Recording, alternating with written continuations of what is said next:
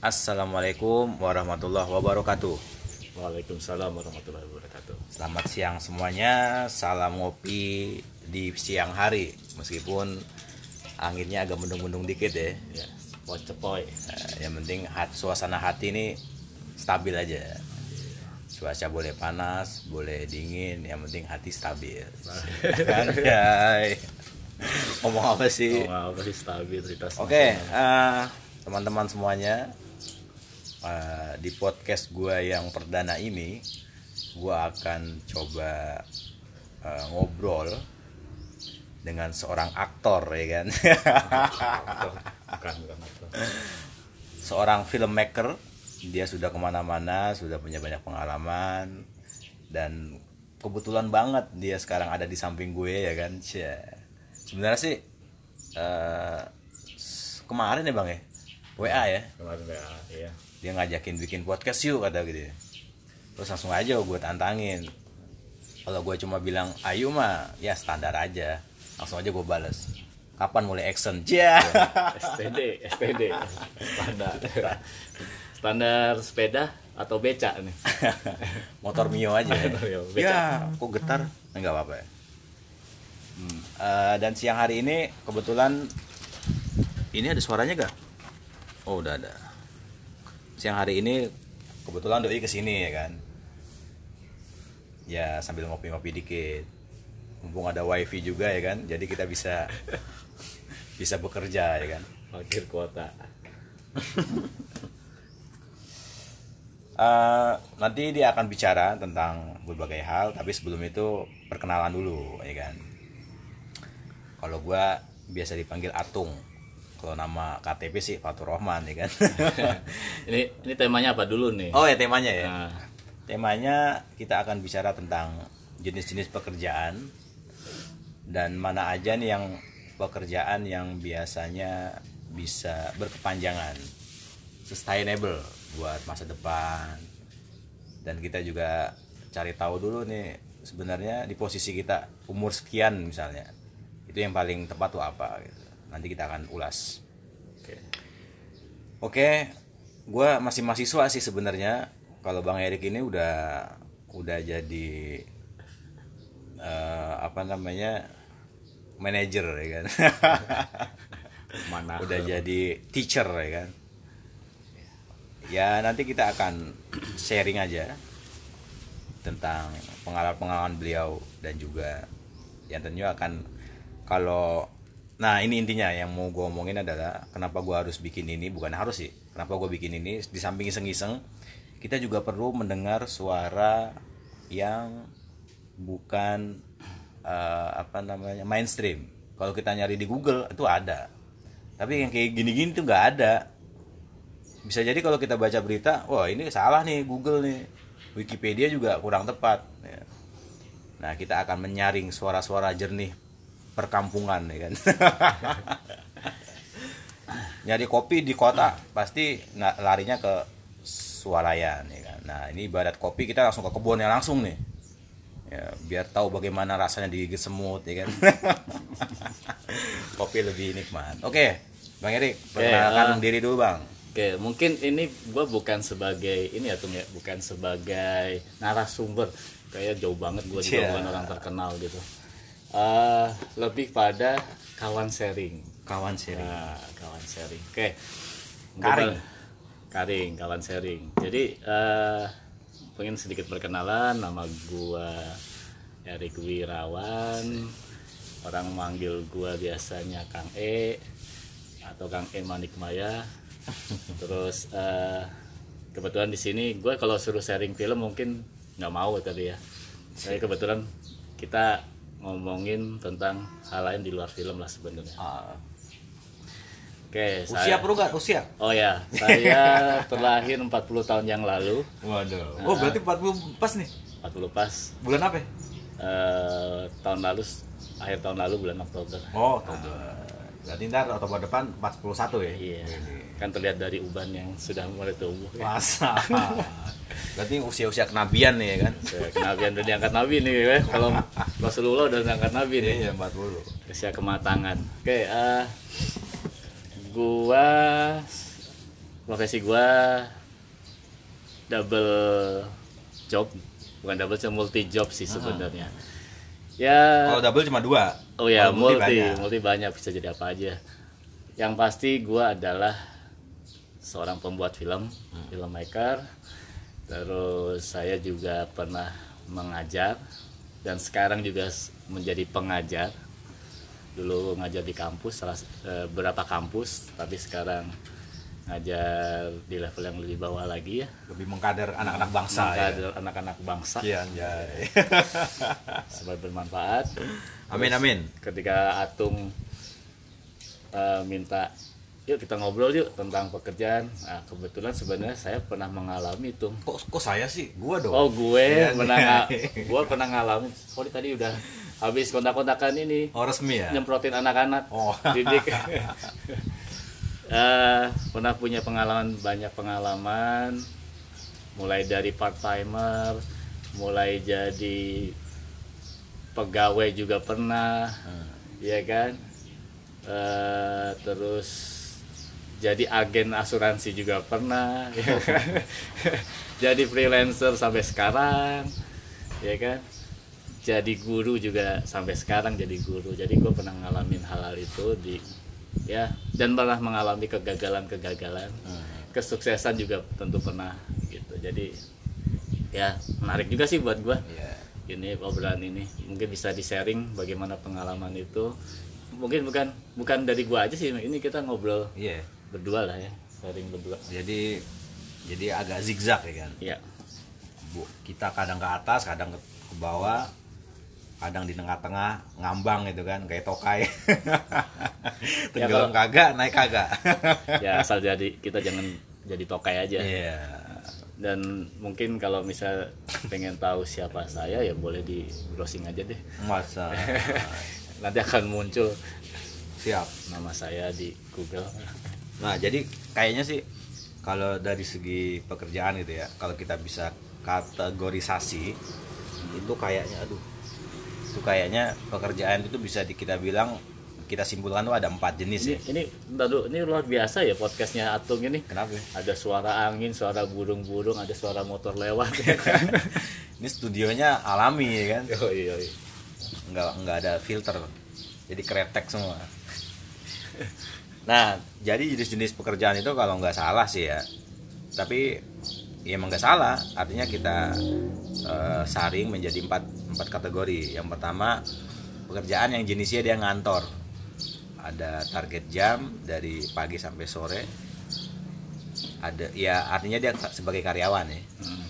kantor yang kedua dia ada kalanya part timer part timer jadi dia ngantor tapi cuma beberapa jam aja sehari Shifting ya lah. shifting. Yang ketiga ada kalanya dia freelancer dia nggak butuh ngantor yang penting dia nyetor pekerjaannya gitu ya. By project. By project. Yang keempat yang terakhir entrepreneur. Entrepreneur. Entrepreneur atau wirausaha. Usaha dia pebisnis dia bos ya bisa dibilang bos, ya. Meskipun gak punya karyawan nggak ngapa ya. Yang penting dia bisa ngatur ya kan. Meskipun mungkin penghasilannya rendah tapi dia bos. Ah, bos. Dia nggak ada yang ngatur tapi bisa mengatur. Mengatur nah sebelum panjang-panjang nih. Kumaha aing gitu. Iya kumaha aing. Akun aing kumaha aing gitu. Minimal jadi iya jadi jadi bos bagi akun sendiri ya ya kan? bagi dirinya sendiri. Iya nggak ada eh ini dong posting ini dong. Ya jangan. Gua bos bro. Gitu. Ya. apaan sih? Nah itu empat itu ya kan? Nah eh, kita sebelum panjang lebar kita definisikan dulu wait waduh Ada angin, Joy. luar biasa ya kan podcastnya Gus Atung ini luar biasa ini banyak iklan Nah itu, jadi menurut Bang Erik nih pengertian kerja yang ngantor itu bagaimana dan siapa aja sih orang-orangnya? oke ya mungkin kita kupas satu-satu ya tuh Iya, betul. mau kupas apa dulu nih? dari Ngantor, ngantor. Oke, pekerjaan eh, sebagai karyawan, ya. Karyawan. Karyawan. Kalau ini kan sebenarnya satu yang sangat didambakan ya. Oh. oleh semua orang bekerja ngantor ya kan menjadi karyawan hidup eh, beranggapan bahwa itu mapan. Nah kalau karyawan sendiri ya intinya kan ketika kamu bekerja full time ya biasanya karyawan kan full time ya kerja dari jam 7 pagi sampai jam 5 pagi kadang lembur. Eh jam 5 sore kadang lembur. Itu satu ide satu pekerjaan yang diimpikan lah banyak orang lah sebenarnya. Yang wah gitu ya? Apalagi jadi PNS gitu kan. Iya. Oh iya itu masuk juga ya? Karyawan ya? Iya im- PNS itu kan impian impian or- banyak orang impian mertua biasanya kan PNS betul betul. Nah, jadi PNS Eh, ya artinya itu peker- pekerja tetap lah. Sebenarnya karyawan ini kan pekerja tetap. Kita kategorisasikan menjadi pekerja tetap pekerjaan yang sangat didambakan oleh semua orang. Yang kedua dulu. Eh itu dulu ya udah nggak apa ya yang kedua part timer ya kan. Kerja part time nah kalau kerja part time ini kan sebenarnya kerja paruh waktu. Iya. Eh, kita bekerja mungkin seperti menjadi karyawan tetap tapi bekerja tidak full waktu gitu. Dan hal kerja pekerjaan ini kan sebenarnya banyak dilakukan untuk orang menjadi mendapatkan uang tambahan. Hmm. ya kan uang tambahan. Anda bisa masuk ke kantor tapi bisa juga tidak. Misalnya sebagai contoh kayak misalnya eh, in- telemarketing gitu ya. Telemarketing? Telemarketing model kayak ya asuransi. Oh. Atau orang jualan barang apa itu kan mereka terdaftar sebagai mitra. Ada yang ada polanya mitra ada yang polanya memang karyawan. Tapi ke si perusahaan dia punya kewajiban seperti menggaji karyawan. Ya model kayak kayak si siapa Eh, kawan-kawan yang kerja sebagai ojek online Nah, Oh, itu iya. kan bisa disebut sebagai part timer sebenarnya. Oh, iya, betul. Nah, walaupun mereka bukan sebenarnya secara hierarki, secara institusi bukan sebagai eh, karyawan di Tetap. di perusahaan itu, tapi mereka mitra. Itu kan boleh kerja apa lagi gitu Nah, boleh kerja apa lagi. Terus eh, apa lagi setelah part timer? Eh, freelancer. Nah, freelancer, freelancer ya kita bekerja eh, berdasarkan ya kalau saya boleh bilang eh siapa? Ya. Bilang eh, freelancer itu kan sebenarnya kayak Ronin ya. Ah, Kalau Ronin istilah saya mah iya eh, samurai tanpa tuan. Tuan tuannya adalah orang yang menggaji dia Ah, dalam satu proyek ya. Salah satunya kayak gua nih sebenarnya Ronin ya Ronin gitu gue freelancer gitu jadi tuan saya adalah orang yang menggaji saya per project. Dan itu setelah saya alamin setelah gue alamin gue eh, ada dua macam ternyata freelancer itu. Oh ya sejauh ini ya? Ah, freelan- freelancer yang tetap Hmm. bekerja untuk institusi itu. Hmm.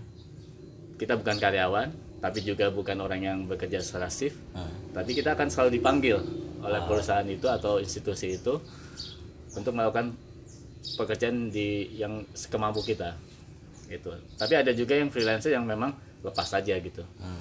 nggak ada kontrak nggak ada kontrak kontraknya ya kadang di di di perusahaan itu udah selesai ya udah kita nggak akan balik lagi ke perusahaan itu kadang-kadang seperti itu terus apalagi entrepreneur ada juga enter- Oh, iya. entrepreneur. Ah. Nah, entrepreneur ini sebenarnya orang-orang yang berusaha untuk mandiri, Mhm. Dia menciptakan lapangan pekerjaan. Survive lah ya. Survivor sebenarnya survivor. Orang yang eh, bekerja secara mandiri, mereka membuat wirausaha sendiri Hmm. atau wirausaha entah itu bentuknya jasa atau produk gitu kan, jual jasa atau Hmm. ada produk. dua juga ya Ya kalau ya apa yang kalau intinya sih kalau bisnis kan ada dua dua dua tipe yang kita jual kan sebenarnya. Hmm. Ada jasa, ada barang kan. Gitu loh. Iya. Yang kita jual. Itu sih eh, untuk prolog sih. iya Masih banyak yang menarik menarik ya, bisa dikali. Kayak misalnya ada yang lain lagi oke, nanti kita sambil jalan deh. jadi ada empat itu minimal ya Mm-mm. dan setiap bagian tadi ngantor juga ada ada tipe masing-masing part part timer juga ada masing-masing lagi Hmm, pokoknya banyak juga pembagian-pembagiannya ada juga misalnya ah misalnya nih tadi yang udah disebutin. Misalnya tukang parkir misalnya ya kan? Ya. ya di sekeliling kita kan ada banyak tuh tukang Ya. parkir. Bahkan di di eh, Swalayan kan banyak. Hampir ada tuh. Tuh. nah kalau digolongkan dia itu sebagai siapa nih? Kalau dia gua dia dia bukan jual jasa juga bukan jual produk. Ah, kalau kalau tukang parkir tergantung kalau menurut aku. Ah. Menurut gua sih tukang parkir terga- ter- tergantung. Kalau tukang parkir tukang parkir yang biasa tanda kutip ya tukang parkir liar yang Iya. kita biasa temukan di di depan Alfa apa sorry nyebut merek nggak apa-apa ya apa-apa. Alfamart, Indomart atau mungkin di tempat-tempat umum gitu ya Eh, itu ya menurut aku bisa di bisa dimasukin ke dalam eh, part timer sih sebenarnya walaupun ah- pada akhirnya mereka akan tetap terus ada ya. ada kerja kerja berkelanjutan ya tiap tiap hari kerja di situ Hmm. sebagai part timer shifting kan mereka ini kan sebenarnya terus ada juga yang eh, kayak di mall-mall ya di mall Hmm. Yang atau- resmi ya? ya resmi yang itu kan sudah dikoordinir koordinir oleh satu perusahaan mereka karyawan Hmm. mereka sebagai karyawan di perusahaan parkir itu Hmm. gitu jadi emang ada kalanya perusahaan itu yang yang membutuhkan tukang parkir itu ya jasa parkir itu. itu ya. walaupun mungkin mereka bukan outsourcing itu ya Ya, outsource kan ada ada tipe karyawan yang outsource, ada tipe karyawan yang memang tetap tetap tetap dalam konteks ini. Ya, dia karyawan tetap di situ. Kalau outsource kan berdasarkan eh, apa namanya? kontrak kerja ya. Kontrak kerja gitu. Nah dari dari sekian banyaknya jenis pekerjaan itu pasti punya uh, sisi menguntungkan dan juga merugikan gitu ya. Plus minusnya gitu ya. Oke. Dari sekian banyaknya itu kira-kira bisa dijelasin Oke. uh, kelebihan dan kekurangannya apa? Kita mulai dari jangan dulu dari karyawan tetap ya. Iya. Gua mau Kenapa tuh? Gua mau sharing dulu pengalaman Oh, iya, pengalaman dulu. Gua dulu waktu masih kuliah di Bandung. Hmm. Gue kebetulan gue dua kali kuliah. Ya. dulu di Bandung gue pernah jadi part timer penjaga toko di Cihampelas ya. Hmm. toko celana jeans. ya. Ini gue baru tahu nih. Tahu Dari sekian kali baru, baru tahu dia nih. Belak-belakan dia nih. yang tiap pagi eh, kita kalau kita jadi shifting di pagi gitu ya Hmm. kita membuka toko itu terus ngepel ngelapin baju gitu Iya. kan jualan kita Terus kita ketemu banyak orang terkenal kadang yang datang gitu Hmm. kan Eh, kalau kita dapat shifting yang paling terakhir ya kita kita beres-beres nutup toko Iya. gitu kan gini kalau part timer ini kita punya keuntungan sebenarnya kita punya keuntungan waktu Tung. Hmm. kita punya keuntungan waktu di luar waktu shifting kita kita bisa ngejob yang lain. Hmm. gitu. Mungkin hampir sama dengan freelancer sih. Tapi bedanya kalau part timer ini kita tetap kan? Iya. ada pendapatan yang tetap. Pada saat kita datang kita bekerja ya kita dapat gaji harian. Itu. Dan nama kita tercantum di perusahaan mereka. perusahaan mereka. Itu keuntungannya. Dan itu kan banyak dilakukan oleh teman-teman kita yang mungkin sekolah di luar negeri. Hmm. ya kan yang mendapat beasiswa ke luar negeri mereka untuk mendapatkan uang bertahan hidup mendapatkan uang saku mendapatkan uang kelebihan untuk bertahan hidup mereka jadi bisa jadi kasir di di toko atau bekerja kayak temen gua dulu pernah ada di Amerika eh, dia jadi tukang sampah Hmm. gitu Padahal posisinya udah ini ya, Nah, sekarang- mahasiswa ya. waktu itu dia ya sorry ya dia, dia pelarian 98 pada saat itu. Lari di target 98 ke Amerika. Ya dia kerja apa pun dikerjakan sama dia. Ya alhamdulillah anak ini sekarang teman saya ini sekarang jadi salah satu sutradara muda Ah, yang cukup dikenal oleh dia cukup terkenal lah. Di dunia di perfilman dunia ya. perfilman. Saya tidak sebutkan namanya. Tapi tapi gini, kalau kalau dia lagi kuliah dan dia dapat beasiswa misalnya, Hmm. itu sama sama pihak yang memberikan beasiswa kalau tahu dia kerja nggak boleh? Apa boleh juga? Eh, tergantung sih, tergantung Tergantung. kebijakan dari pemberi beasiswa atau kebijakan dari tiap negara beda-beda. Oh gitu beda. Nah, Oke. kayak misal di misalnya kamu di Jerman misalnya, Hmm. semua orang yang sekolah di Jerman itu belum tentu bisa langsung masuk sekolah Eh, kamu harus menyetorkan uang sekian untuk sebagai jaminan kalau misalnya kamu di sana cuma jadi pengangguran tidak produktif sekolahmu nggak bisa ngapa-ngapain kamu dipulangkan ke negaramu. Gitu loh. Dengan uang itu tadi uang yang kita poskan dan begitu sampai di sana pun belum tentu kita dapat sekolah. Atau kita bisa langsung bekerja kita harus kursus dulu bahasa. Persiapan persiapan ya. persiapan sebe- selama satu tahun biasanya. Hmm, gitu. Kayak gitu. Itu Siap. keuntungannya sebagai part timer part timer nah kebetulan gue juga pernah ngalamin itu. Pernah jadi telemarketing eh, dulu ada bank Pa- Penin gitu kan. Dulu asuransi Panin Bank dulu. Oh itu di mana mana tuh? Gue dulu pernah ngalamin hal kayak gitu. Ya seperti itu. Itu untuk freelancer gitu gitu. Terus yang kedua? Apa lagi kita kita Ah, karyawan kantor Oh karyawan kantor, nah ini ida- idaman mertua nih biasanya karyawan kantor ini kan. Nah, ini kita nggak dibatasin ini ya durasi. Lanjut. Ya, terus saja ya. Kalau karyawan kantor ini kan gitu. Nah ini salah satu yang kita balik lagi ke sistem pendidikan kita nih Ah, sebenarnya ya. ah. Kalau kita amati pendidikan kita ini mungkin baru trennya baru sekarang lah masalah entrepreneur dan lain sebagainya. Tapi tetap intinya kita itu dididik menjadi salah satu sorry tanda kutip ya budak dari industri.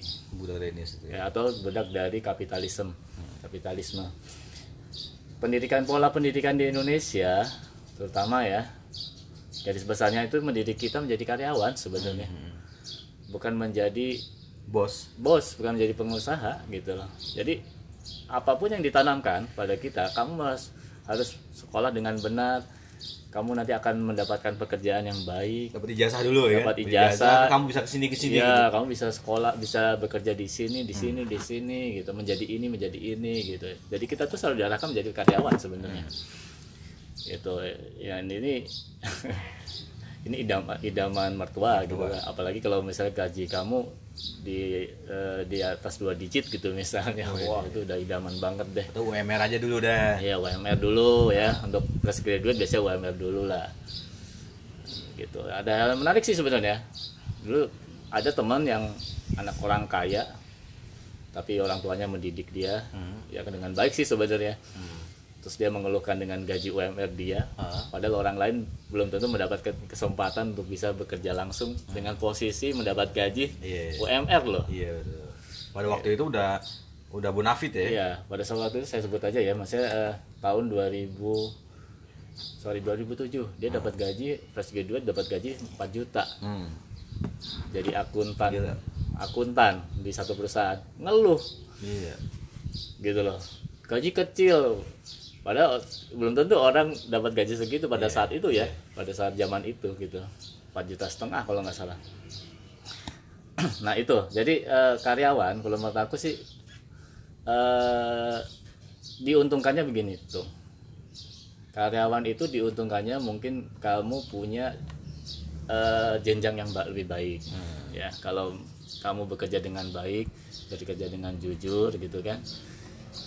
Eh jujur apa tidak tuh relatif ya tergantung lingkungan Iya. kenapa gue bilang gitu kok soalnya udah pernah ngelakuin ya kan Iya, karena ketika kamu berada di pada pada saat nah ini keba- kebiasaan buruk di lingkungan kerja hmm. yang sebenarnya harus dipahami oleh teman-teman. Eh, ketika kamu jadi karyawan, Hmm. kamu itu tanda kutip ya, kamu tuh jadi buruh bukan tanda kutip, emang buruh. yang buruh Kamu bekerja untuk orang lain, bukan bukan bekerja untuk perusahaanmu. Nah, kebiasaan buruknya adalah apa? Yang gua heran. Iya. Itu ada sikut-sikutan bro. Satu sama lainnya ya? Satu sama lainnya. Itu yang gue heran. Itu yang gue heran. Ketika lu sikut-sikutan lu punya konflik dengan, dengan teman lu lu menjatuhkan teman lu yang kaya itu bukan lu sebenarnya. Iya yang kaya itu yang punya perusahaan. Gitu loh. Jadi ya terlepas lu mungkin lu merasa kaya lu bisa beli rumah lu bisa apa tapi ada sisi lain yang ya kita kembali ke hati nurani kita lah gitu maksud aku. Ya. Kita kembali lagi kita tuh tujuannya apa sih sebenarnya? Gitu loh. Lu eh, lu sikut-sikutan lu punya musuh tapi lu yang kaya bukan lu. Bukan lu gitu loh. Palingan sebenarnya sikut-sikutan itu dalam rangka mungkin bang ya. Gue juga pernah melihat orang kayak gitu sih. Hmm, mungkin tujuannya adalah sorry cari muka gitu. cari muka bener. Biar biar bos ini lihat oh ini anak ini oke juga nih. Gue ini lah gue ajak ke mana-mana lah gue naikin dikit lah gitu. Mm-mm. atau minimal ya ada ada ada lebih daripada yang lain karyawan yang lain gitu ya. Mm-mm. jadi bukan bukan dalam rangka dia mencari. Tapi intinya juga dia pengen dapat eh, reward yang lebih keren gitu ya. Betul. Dan intinya sih mereka sorry saya bukan meng, gua bukan mengecilkan orang yang jadi karyawan tuh Iya. ya nggak apa-apa sah sah aja jadi Iya. karyawan bagus malah. Pilihan ya pilihan, pilihan itu pilihan itu. Cuma terkadang terlalu pragmatis Hmm, menurut gua. Hmm. mereka bekerja ya gua gua dapat duit gua dapat duit. Kadang tanpa mempedulikan lingkungan gitu loh. Hmm. Sikut-sikutan sama temen lu bahkan mungkin temen lu yang pernah nolong lu masukin lu. Ini banyak keja- ke- kejadian. Ah ini nih ketika lu nih. jadi pengangguran Ah, tetangga lu Iya. atau temen deket lu eh lu kerja deh gue cobain masuk ke perusahaan gue. Ya. mereka dia masuk ternyata temennya sendiri disikut. Nah padahal dia nolong dari awal. Malah nolong, nolong- nolong dari awal. Itu banyak kejadian itu. Ayo siapa yang mengalami pernah mengalami itu? Gue yakin di antara pendengar lu nih sekarang pernah mengalami itu atau malah melakukan itu? Iya iya. Gitu. Sekarang balik lagi coba kita review lagi apa yang kita pernah kita lakukan ketika kal- kalian menjadi karyawan. gitu loh. Apakah itu tujuan hidup lo sebagai karyawan? Iya, iya. gitu. Ampun bos. Lu cocok jadi jadi pengusaha lu kayaknya lu iya benar. Sikut-sikutannya emang ada sih. Itu gila tuh aku tapi tapi akhirnya Gua tuh paling sebel. efek setelah itu adalah setelah misalnya beberapa tahun kemudian mereka keluar atau jangankan keluar dari kantor itu ya ketika dia bergaul di luar aja ketemu gitu. Hmm. atau atau atau ketika dia terpuruk lagi deh. Nah, siapa yang akan lo ketemuin? Temen lo iya. Saudara lo yang awalnya ngajak lu yang itu mungkin kan. pernah akan nolong lo Ah. gitu gue bisa kayak begini ngomong gini mengalami juga tuh. Mengalami. Gitu loh jadi intinya apa itu? Hikmahnya apa itu? Hikmahnya poinnya poinnya. Hikmahnya adalah gini kita kalau jadi karyawan? secara secara personal ya semua semua orang nih. Gua mau menstimulasi aja menstimulus orang teman-teman pendengar lo ini. Eh coba kita review lagi kita tuh hidup untuk apa sih? Ya nah itu sebenarnya intinya gitu kita hidup itu apa sih? Untuk mencari teman mencari kebahagiaan menjalin silaturahmi pada orang lain. Bukan mencari musuh atau membuat musuh. Iya betul. Menciptakan musuh lah gitu. ini sih tuh kita ya kita menghidupi anak istri kita yang sudah berkeluarga kalau yang mungkin yang bujang yang masih jomblo. Kalian punya ya saya satung gitu ya masih jomblo. Ke- kalian punya punya apa namanya rencana kan pasti Iya. kita menghidupi keluarga dengan dengan uang yang baik lah Uang intinya yang halal ya uang kan yang halal dengan cara yang halal juga dengan cara yang halal mungkin pekerjaan lu halal tapi cara lu tidak halal akhirnya uang lu juga jadi tidak halal Hmm. gitu nih ini gua sedikit ini bang sharing juga bang ya Hmm. pas gua dulu jadi karyawan misalnya Hmm, di salah satu media ya kantor lah gitu kantor terkenal gitu ya. ya. Gua kan biasa hidup itu kan di pesantren ya. Orang pesantren itu dia biasanya lebih lebih humanis. Jadi kalau dia kenal sama orang dia bukan hanya sebatas pekerjaan. Dia juga bagaimana bisa kenal di luar pekerjaan. Jam ngantor misalnya sampai jam 5 sore. Kan kalau orang biasa umum gitu ya udah lu lu gua gua gitu. Mm-mm. tapi orang pesantren tuh kagak kayak gitu. Gue diajarin sama guru-guru dulu tuh. Kalau kenal sama orang itu kenal sedalam-dalamnya habis jam selesai ya kita ngopi bareng. Betul. kita main ke rumahnya kenal sama saudaranya Ya. gitu. Nah ketika gua di kantor gitu ada beberapa orang yang gue gituin. Ya gue ajak kenalan gue ini Ya. ajak ngopi. Ada yang oke ada yang ah ini kan bukan jam kerja ngapain gua nongkrong sama lu? Gue pulang aja. Nah, kayak gitu. Ya jadi memang kayaknya ada ada segi ya beda perspektif ya. Ada orang yang kerjanya cuma kerja dapat duit udah selesai. Tapi bagi-bagi gua gitu ya kita nggak cukup di situ bro. Betul. suatu saat nanti kita akan ketemu dia lagi kita punya proyek besar terus bisa saling dukung. Dukung Nah, integrasi gitu kan. Lu Iya. punya apa punya apa yuk kita bikin bareng gitu. Ya jadi emang kayak gitu ya dunia kerja gitu ya? Ya memang kayak gitu. Kalau menurut aku sih menurut gue gini sih. Ya tadi kan balik lagi tujuan hidup tujuan lu hidup itu bekerja ini buat apa sih? Gitu loh. Kita balik lagi ke situ sih sebenarnya. Dan eh apa tadi ya? Sikut-sikutan. Sikut-sikutan gitu loh. Intinya, ya janganlah kita tuh sikut-sikutan Iya. gitu. Mencari mencari hidup ini yang lebih berkah gitu. Yang yang teman-teman yang jadi karyawan artinya kita tuh nggak tahu hidup itu ke depannya kalian boleh kita ini boleh berencana tapi kadang kita sudah rencanakan bisa bubar. Bubar. Nah, artinya Tuhan itu kadang bisa mengeset sesuatu itu eh, Drastis ya? drastis banget. Mungkin teman-teman yang sekarang dengan masa pandemi ngalamin lah Hmm. ya kan? Dan Nah. kalian bisa jadi mencari mencari teman-temanmu yang dulu. yang dulu gitu loh. Dan gue pernah ngalamin itu. Nah ngomong-ngomong tentang pandemi nih dari sekian tapi kita belum bahas yang yang lainnya pekerjaan yang lain di freelance belum Freelancer ya? Iya, ya. Ntar kita simpen dulu yang Iya. pandemi ya kan Iya. Oke, kalau freelancer, tuh. Freelancer itu hampir mirip eh, kerja paruh waktu ya. Hmm. Cuma memang dia bukan tetap. Ya tadi gue bilang Rondin, Hmm. ya, gue gua mengalami itu ya. Bahkan di dunia freelancer pun jangan salah ya. Sebenarnya sama juga, ada sikut-sikutan juga. tapi jarak jauh ya iya, kadang ya sudah tidak peduli akhirnya. Ah. Jadi ya udah, gue cukup tahu aja deh. Gue nggak akan ketemu sama lu lagi, gitu kadang kayak gitu. Cuma, oke kita balik lagi menguntungkan dan tidak menguntungkannya seperti apa bekerja sebagai freelancer. Menguntungkannya adalah kita menjadi indep, apa pribadi yang independen. Kadang-kadang menjadi pribadi yang independen.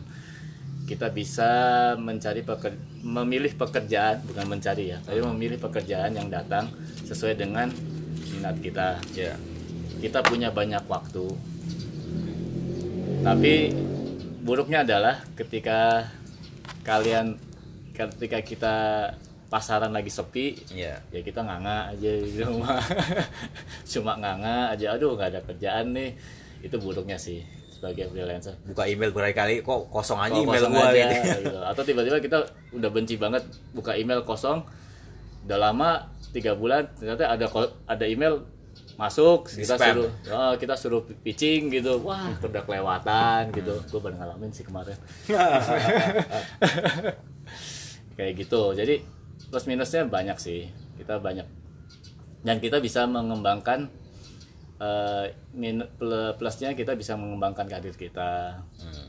yang terpenting kalau freelance freelancer itu memang kita harus punya hubungan baik attitude attitude bekerja kita walaupun kita bebas. Ketika kita punya satu project di hire oleh orang kita juga harus baik. Kita harus melaksanakan pekerjaan itu dengan baik juga. Kualitas kita dihitung dari situ. Eh, kemudian sikap kita juga di- dihitung dari situ. Dan seorang freelancer harus punya relasi yang lebih banyak lagi Hmm. silaturahmi dengan orang yang lebih banyak lagi agar ketika masa-masa sulit tiba-tiba ada yang calling gitu Iya. Nah, kalau sebagai freelancer itu sebenarnya dia memposisikan dirinya itu sebagai klien yang artinya sa- satu derajat atau dia menganggap orang lain itu bosnya dia. Nah, aku punya, gua pernah punya pengalaman Ah. gini tuh.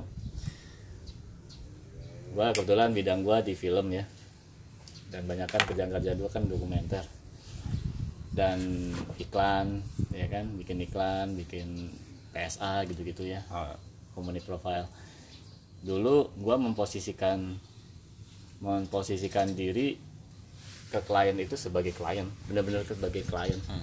jadi ini trik ya sebenarnya.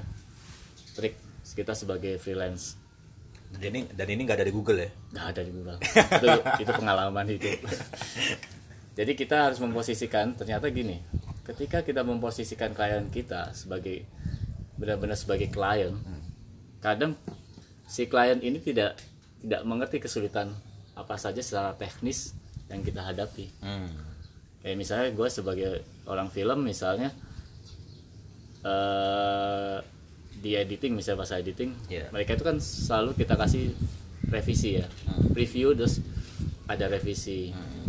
Nah ternyata ketika saya memposisikan gua memposisikan klien ini sebagai klien benar-benar sebagai klien itu eh justru pekerjaan kita bisa jadi akan berantakan. Artinya gini loh gue pernah dulu tidak membatasi. Iya. membatasi diri mem, sorry membatasi klien kita. Ah. preview berapa kali gitu kan. Nggak harus ada harus oh ada terus ininya. itu. Jadi preview berapa kali eh, nggak nggak selesai Nggak kehitung, selesai kemudian kemudian di di pihak klien ternyata di session makernya tuh bisa ber- berubah-ubah. Si besok gua ketemu si A besok ketemu si B. Beda lagi beda lagi. Pekerjaan nggak akan selesai akhirnya Dikiranya ngedit itu gampang ngedit gitu itu gampang pada akhirnya pas sudah deadline ya kan gue ubah ubah ubah ubah lagi ya kebetulan editor gua waktu itu saya posisikan diri emang bener-bener sebagai sutradara waktu itu kan ya. Hmm. klien gua akhirnya pas mau deadline pagi jam 7 harus, di- harus ditayangkan Ah. jam 3 pagi jam 3 pagi datang ke studio editing terus dia ngelihat timeline editing yang sangat rumit Ah. editor gue cuma bilang mbak ini mau dipindah lagi nggak? Oh gini ya ngedit ya? "Ya, memang kayak gini makanya. Ya udah nggak usah. Akhirnya mereka pasrah nah Ah, ah. setelah itu gue punya pengalaman tuh. Gue memposisikan eh padahal gue sebenarnya sebelumnya seperti itu juga. Sebenarnya gue memposisikan klien. Apa pun permintaannya kita turutin gitu ya? Awalnya gitu ya? Ya enggak awalnya dulu gue bereksperimen Iya. pada pekerjaan. Jadi intinya sih kita tuh ketika menghadapi klien kita posisikan klien itu sebagai tim kita. Hmm. Hmm. gitu tim diskusi tim diskusi dia, tim dia tahu juga ya. Ya mereka tahu terus kita udah tetapkan berapa kali preview berapa kali eh, revisi. Kemudian kita minta dari pihak klien satu atau dua orang yang menjadi decision maker. Hmm. kalau misalnya lebih dari satu kalau misalnya ketemu, ketemu misalnya dua orang gitu ya ketemu sama si A tok gitu kan pada saat review berarti saya kita anggap si suaranya ada suara bersama di pihak dari pihak klien gitu. perwakilan dia. Perwakilan. Jadi ketika nanti akan berubah ketemu lagi sama yang lain yang satu lagi ya kita bicara gitu bahwa ini kemarin kita udah dari si A eh, si B gitu gitu. Ini ketetapan dari si B nih gitu. Kita udah sepakat dari awal begini begini begini. Ya gitu kita harus punya ketegasan gitu. Jadi kita tidak boleh terlalu memanjakan juga klien sebenarnya gitu. Itu yang gua alami sebagai freelancer. Itu itu pengalaman saya. Rumit juga ya? Rumit. Jadi memang itu hal yang kita nggak nggak dapatkan dari sekolah sebetulnya. Tapi tapi asiknya tuh tadi kata lu bilang eh, klien itu kita jadikan teamwork kita gitu kan? Iya betul. Jadi dia biar tahu nih dapur kita kayak apa susahnya Hmm. ininya kalau kalau bisa mungkin dampingi sekalian ya. Lu Dampingin. Malah- sekali ke tempat gua lo gitu. nah aku pernah gua pernah punya pengalaman tuh di salah satu BUMN anak perusahaan BUMN cukup besar. Hmm. ya dalam bidang penerbangan. Wih, maskapai. Maskapai. Gue dapat klien mereka karena gue punya pengalaman gitu gue posisikan mereka itu sebagai tim. Hmm. sampai akhirnya kebetulan gue freelance tapi gue punya tim gue nggak punya kantor. Hmm. dan gue nggak perlu sewa co-working space. Iya. Dulu agak jarang juga ya. Dulu nggak ada. Nggak ada. nggak ada dulu. Sekarang menjamur udah. Nah gue itu sampai disediakan satu tempat tuh. Hmm. di kantor dia hmm. untuk gue berkantor satu ruangan. Asik dong ya.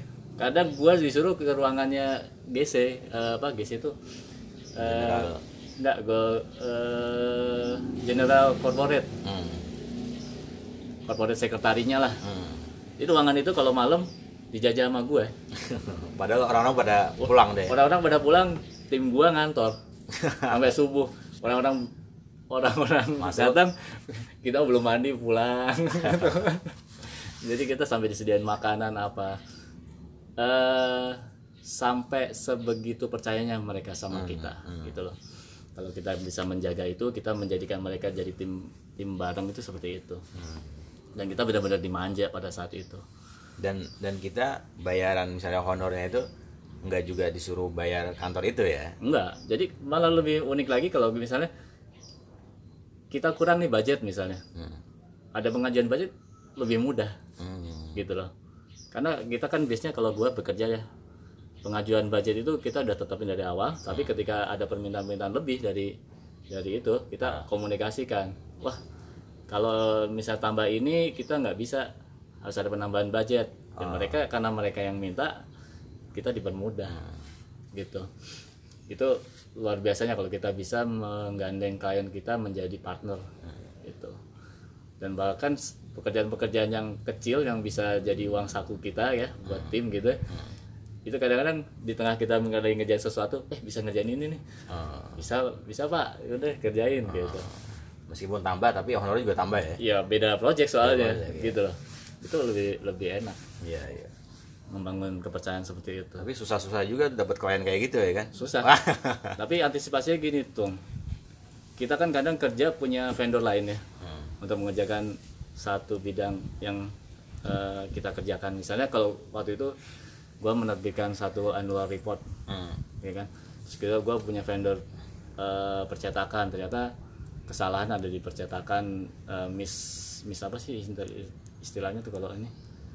One prestasi lah. Hmm.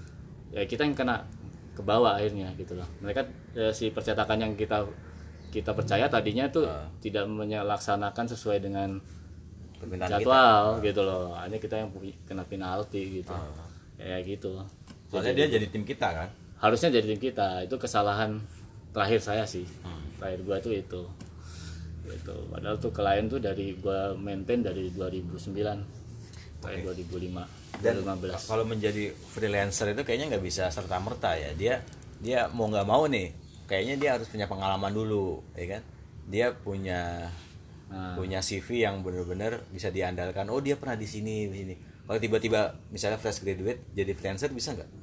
Bisa bisa, banget. Nah tapi gini tuh ini pengalaman gua dan gua menyesal tidak menyesal ya jadi gini eh, gua sarankan pada teman-teman gitu ya ketika kalian jadi fresh graduate sebelum kalian jadi freelancer atau jadi entrepreneur ya kalian itu harus punya pengalaman jadi karyawan dulu hmm. penting itu ya penting buat kita jadi karyawan.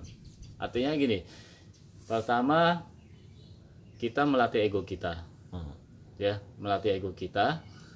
Eh, ketika kalian jadi karyawan, kalian bekerja dengan target di bawah tekanan, dan lo harus tangguh untuk menghadapi itu. Hmm. Yang kedua, lo harus bangun jaringan. Hmm. Karena fresh graduate itu kecenderungannya tidak punya jaringan kan. Iya. Tapi ketika kalian kalian jadi karyawan, jadi jadi karyawan, kalian bisa merebut jaringan, merebut tanda kutip ya, merebut jaringan yang di tempat bekerja lo, iya gitu loh. Lo bisa dapat klien, Ya. lo bisa punya eh, temen lah ibarat kata gue banyak kayak gitu dulu, Ah.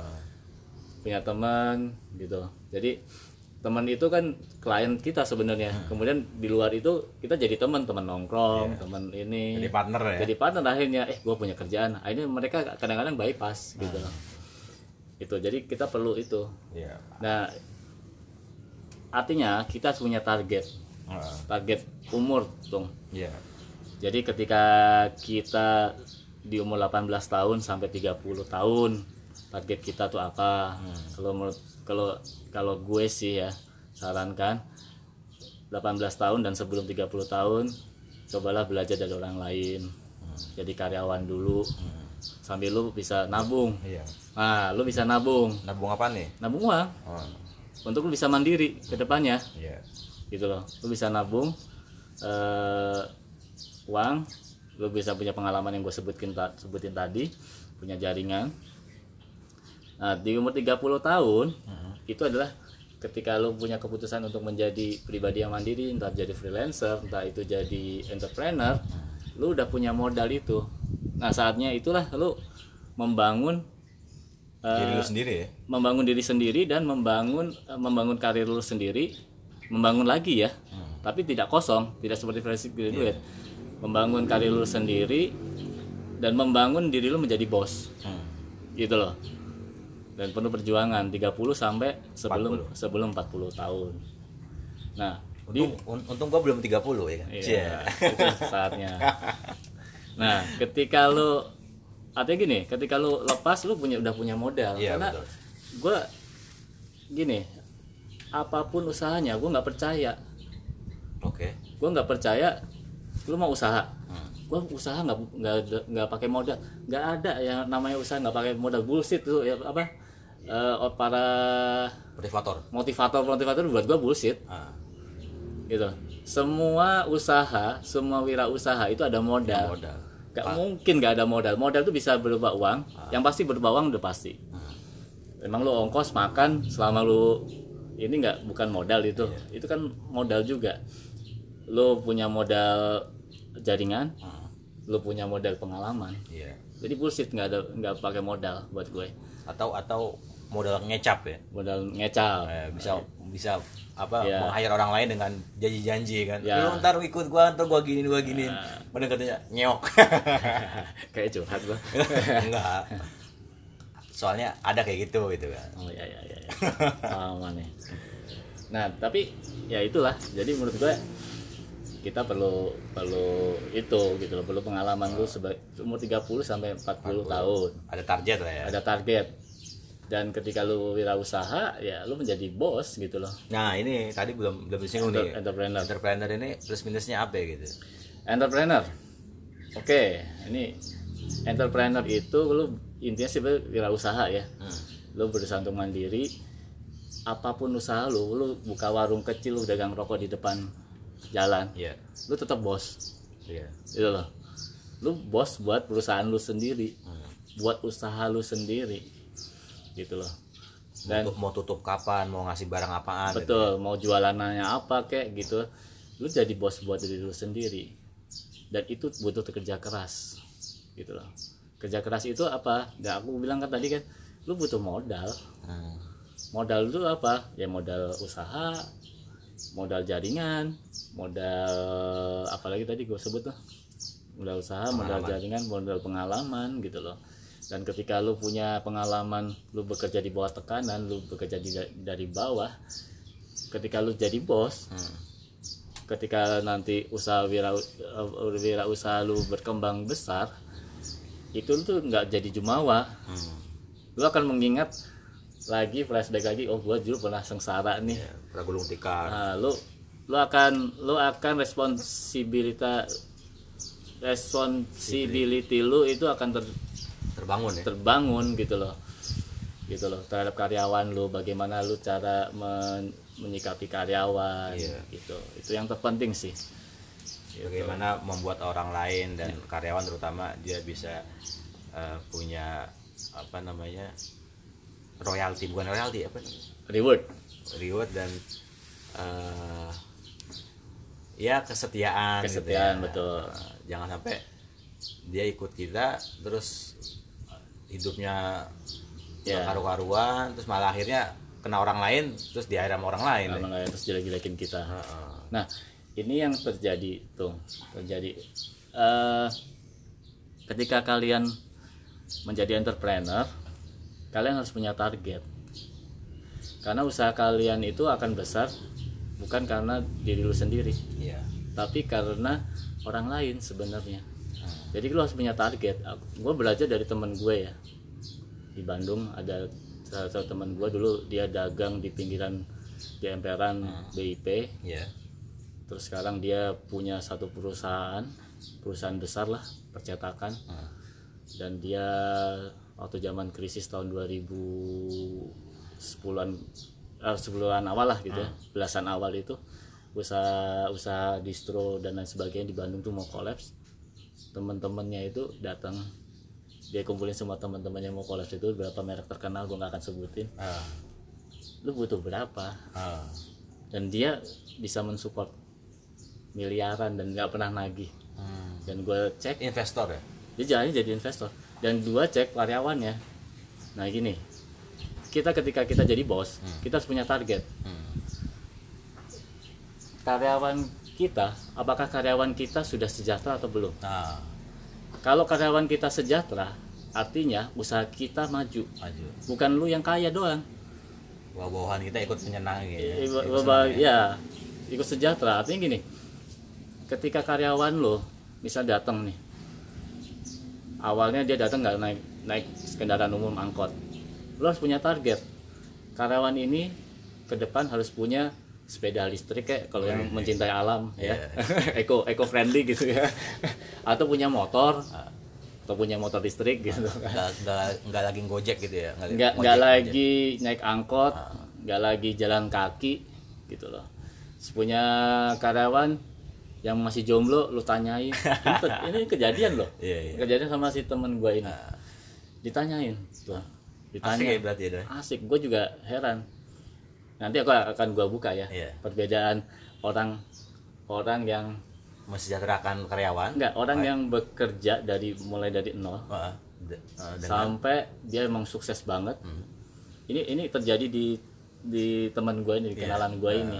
Gimana bedanya adiknya dengan dia? Hmm, beda jauh tuh? Beda kalau jauh adanya gimana? Nanti gue ceritain nah gue ceritain dulu kondisi iya. ini dia.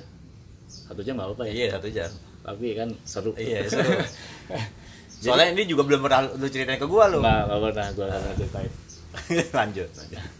Jadi eh OP ngopi ini lagi bikin rekaman dulu. Oh.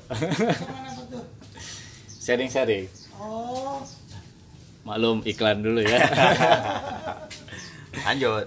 Eh, jadi sampai gini tuh. Sampai gua gua dengar dari temen gua ada yang kerja juga ya sama si Iya. temen gua ini. Yang ini ikut. ini inisial dong biar gua Oh. ini inisial aja gitu. Huruf apa awalnya deh oh inisialnya Dede. Dede oke Nah. Dede.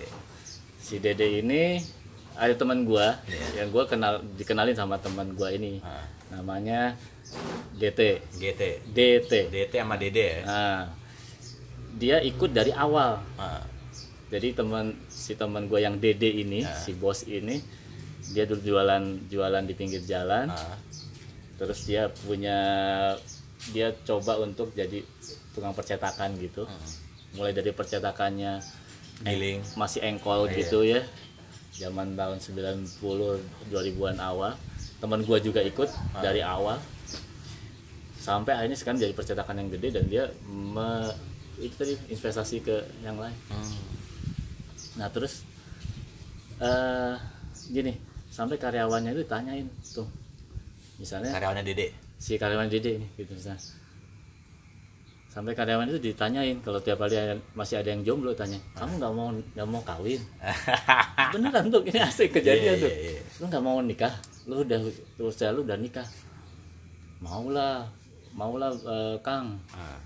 ya udah ini gua kasih duit buat eh, Resepsi. resepsi pernikahan lu yang nggak gede gitu udah kan dia nikah Iya. dia nikah terus eh, si karyawannya ini Hmm.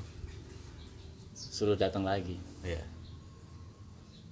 Eh, an- udah punya anak Iya. Tapi dia masih kerja di situ. masih punya ker- masih kerja di situ Iya. si, si si karyawan ini Bu- bukan teman gua ya Iya. masih kerja terus ditanya lagi lu itu udah punya anak Hmm. Udah punya istri anak lu udah mau sekolah Iya. kasihan anak lu jalan kaki Hmm. lu mau nggak punya motor mau ya udah nih gua kasih DP buat eh, kredit motor Iya. sampai gitu sampai akhirnya kalau misalnya idul kurban nih tuh idul kurban itu dikumpulin semuanya lu mau kurban di mana Hmm. di kampung lu apa di Bandung Hmm. Ditawarin ya. tawarin ya udah ini gua beliin kambing satu-satu sampai akhirnya gue pernah gue pernah tahu ya itu perusahaan kliennya dia Iya. yang model ya berapa perusahaan gede gitu ya yang percetakan di dia dia sampai nelpon nagih tuh Ah. bukan nagih nih nagih itu bukan nagih duit Ah. Ini invoice kapan mau dicairkan? Jadi sama dia tuh nggak pernah ditagih ke perusahaan-perusahaan ini. Ah. jadi invoice itu numpuk sampai perusahaannya itu nelfon ini mau dibayar nggak nih lo mau dibayar nggak nih? Ah. gitu sampai orangnya seperti itu. Dan semua perusahaannya apa semua karyawannya itu sejata teman gua aja yang keluar masuk itu masih dipercaya. Sampai dimodalin. Hmm. bininya dimodalin buka salon. Dimodalin 80 juta. Salonnya nggak jalan nggak pernah ditagih. Sampai sekarang itu itu luar biasanya eh, orang ini si Dede ini. Ah. terus dia punya adik. Gue pernah Adik kandung ya? adik kandung. Dia posisi udah udah enak. Itu DT itu. bukan. DT DT beda lagi ini adik kandungnya namanya gue lupa. Gue sempat eh sempat dibiayain sebenarnya masih Dede ini tapi dijadiin anak buahnya. Adanya dia. adanya dia. Dulu bikin kantor di Depok. Oh. Gue di ruko salah satu ruko yang selalu orang lewat gue tahu gue pernah ngantor di situ Oh. sekarang rukonya dijual ini punyanya si adiknya ini 5 menit lagi. boleh terusin lagi kan I- Iya. 5 menit dia udah merah tuh. Ayo lanjut. ya nah ini dia lumayan ini gue datang ke eh, adiknya ini udah udah posisinya udah enak Iya. sampai di sekolahin bisnis ke Iya. Malaysia tapi ketika gue kerja sama dia gue nggak Beda. gue nggak menemukan karakter seperti si Dede. Si kakaknya si itu. kakaknya yang humble ke siapa pun sopan Hmm. gitu loh Tapi lu lu bisa kenal Dede itu ya itu dari teman gue itu dari adanya si Dede. bukan si DT ini teman Oh, gue oh DT. gitu. Tapi lu nggak pernah kerja langsung sama si Dede itu. ya? Eh, nggak pernah. Tapi gue selalu bertemu sama dia tuh ke siapa pun, Hmm. bahkan ke tukang sapu Iya. dan lain sebagainya. Humble gitu Humble ya. dan lu boleh percaya gaji OB, Iya. UMR, UMR loh Iya. tertinggi di Bandung tuh di tempatnya dia. Oh, sampai sekarang. OB di gaji standar Ah, sampai sekarang tuh. sampai sekarang Berarti sam- tambah berkembang ya. tambah berkembang. Oke, gue jadi dapat poin gede nih bang. Nah. Jadi emang entah lu mau sebagai pekerja karyawan, freelancer, atau part timer, atau entrepreneur sekalipun, Hmm. itu sih sebenarnya hanya jubah aja ya, hanya hanya baju, Pilihan. hanya pilihan. Yang orang-orang bener kata, kata lu tadi bahwa Allah nanti akan bisa membalikkan Betul. posisi itu dengan drastis. Gratis. Tapi kalau kalau emang kita niatnya punya usaha, punya pekerjaan itu untuk membantu orang lain ya kan, itu bukannya anjlok malah berkembang ya. Hmm. Mungkin secara finansial, secara eh, kuantiti kita kalah. Betul. Tapi di luar itu, oh siapa tahu ya kan, banyak tangan-tangan gaib ya kan Betul, yang betul. akan membantu. Jadi gua gua pernah pernah dengar dari seorang pengusaha dia bilang gini, kalau lu bekerja normalnya lu digaji 10 juta satu bulan tapi tiba-tiba kantor lu menggaji lu cuma 7 juta Ya. atau 5 juta deh setengahnya Ya. lu terima aja dan lu yakinin bahwa 5 juta itu akan dibayar oleh semesta Betul. yang nggak yang nggak terlihat gitu. Iya. jadi emang bagaimana kita bisa dengan pekerjaan itu bisa nyaman dengan orang lain bisa Betul. menjahteraan orang lain itu keren banget itu Ya. itu inti dari dari kehidupan Betul. kita gini ya asik Ya intinya sih hidup itu harus bahagia lah. Iya. kebahagiaan itu sebenarnya kadang tidak diukur dengan uang tapi hal lain yang ya rezeki pasti akan datang dengan sendirinya kok gitu pertolongan Tuhan akan datang dengan bahagia dan membahagiakan orang lain betul ya otomatis kalau kita membahagiakan orang lain kita akan bahagia kok. Iya, so- soalnya so- soalnya soalnya ada yang bahagia sendiri aja gitu kan. Ya kan? Ada kan gitu ya? Ada. Akhirnya akhirnya jeblok punya ini sendiri. Iya. ya gitu Susah. ya gitu aja stagnan gitu aja Iya. usahanya gitu gitu aja. Gitu. Ya minimal orang di sekitar kita juga meng- mem- merasakan kebahagiaan itu ya. Meskipun secangkir kopi ya kan? Iya. jadi ini mau ditulisin lagi part 2 apa gimana? Nah, kayaknya ini sudah 58 menit ya kan? Hmm. seru sih seru-seru banget. Karena sebenarnya masih banyak ya. Masih banyak. Tapi kayaknya tema ini udah cukup lah ya buat sebagai perdana kita. Ntar edisi ke depan episode selanjutnya belum, kita akan belum belum mendalam banyak masih banyak yang Nah, bisa diceritakan sebenarnya. kalau bisa ya ntar minggu depan Hmm. atau edisi selanjutnya kita panggil orang itu. Nah, atau atau siapalah yang, Iya. yang mungkin bisa, bisa jadi narasumber ya. Nah, jadi di tengah Kawan pandemi sharing, kawan sharing. kawan sharing. jadi di tengah pandemi ini kita nggak cuma bengong doang ya kan atau nunggu email balesan ya kan? tapi ada yang bisa dirancang ya kan Betul. ya minimal buat ini sendiri lah apa namanya eh, pengalaman ya kan Oke mungkin closing dulu aja deh Oke, terima kasih teman-teman. Ini sudah pengen habis. Eh, kita tunggu komentarnya, eh, masukannya, biar nanti ke depan kita lebih oke. Ini ngomong-ngomong suaranya oke nggak nih? ya paling gelubuk-gelubuk angin sama noise ya, noise ya. Nah, ada tapi tapi voice-nya lebih banyak. Iya. gue kenal lama nih bang Erik baru kali ini dia cerita ya kan ada yang sikut-sikutan ya kan dan lain sebagainya terima kasih sampai jumpa lagi wassalamualaikum warahmatullahi wabarakatuh